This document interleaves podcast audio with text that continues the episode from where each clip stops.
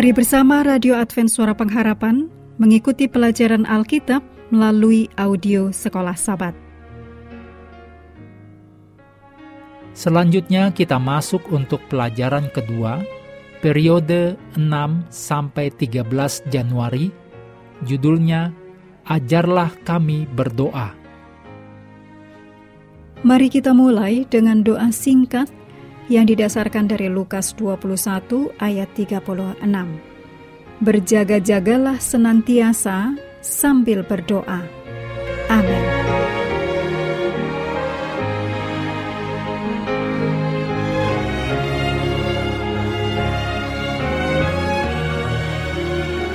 Untuk sahabat petang tanggal 6 Januari, untuk pelajaran pekan ini, bacalah Mazmur 105 ayat 5, Kolose 3 ayat 16, Yakobus 5 ayat 13, Mazmur 44, Mazmur 22, Mazmur 13, dan Mazmur 60 ayat 1 sampai 7.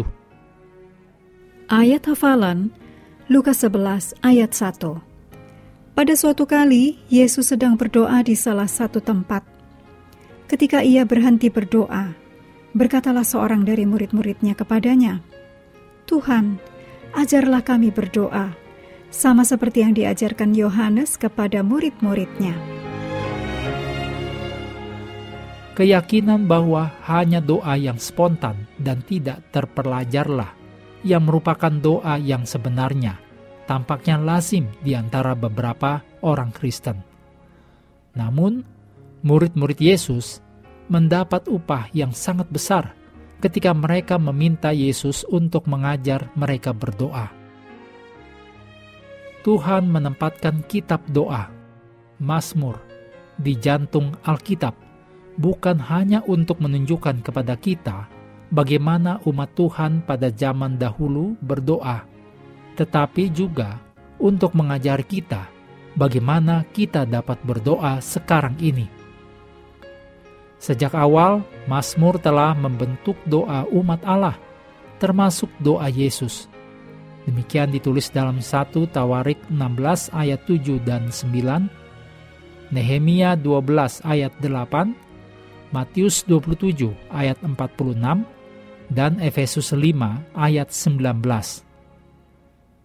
Pekan ini kita akan melihat peran yang dimainkan Mazmur dalam membantu umat Tuhan melewati perjalanan hidup mereka, dan bertumbuh dalam hubungan mereka dengan Tuhan. Kita harus ingat bahwa Mazmur adalah doa, dan dengan demikian sangat berharga, tidak hanya untuk wawasan teologisnya, tetapi juga karena pola doa Mazmur dapat memperkaya dan mengubah doa individu dan doa umum kita. Doa Mazmur membantu banyak orang percaya membangun dan mempertahankan kehidupan doa yang teratur dan memuaskan. Pekan ini kita akan terus melihat Mazmur, terutama dalam konteks saat-saat ketika segala sesuatunya tidak berjalan dengan baik bagi kita. Mengakhiri pelajaran hari ini, kami terus mendorong Anda mengambil waktu bersekutu dengan Tuhan setiap hari, baik melalui renungan harian, pelajaran sekolah sahabat, juga bacaan Alkitab sedunia, percayalah kepada nabi-nabinya, yang untuk hari ini melanjutkan dari Yesaya 44, Tuhan memberkati kita semua.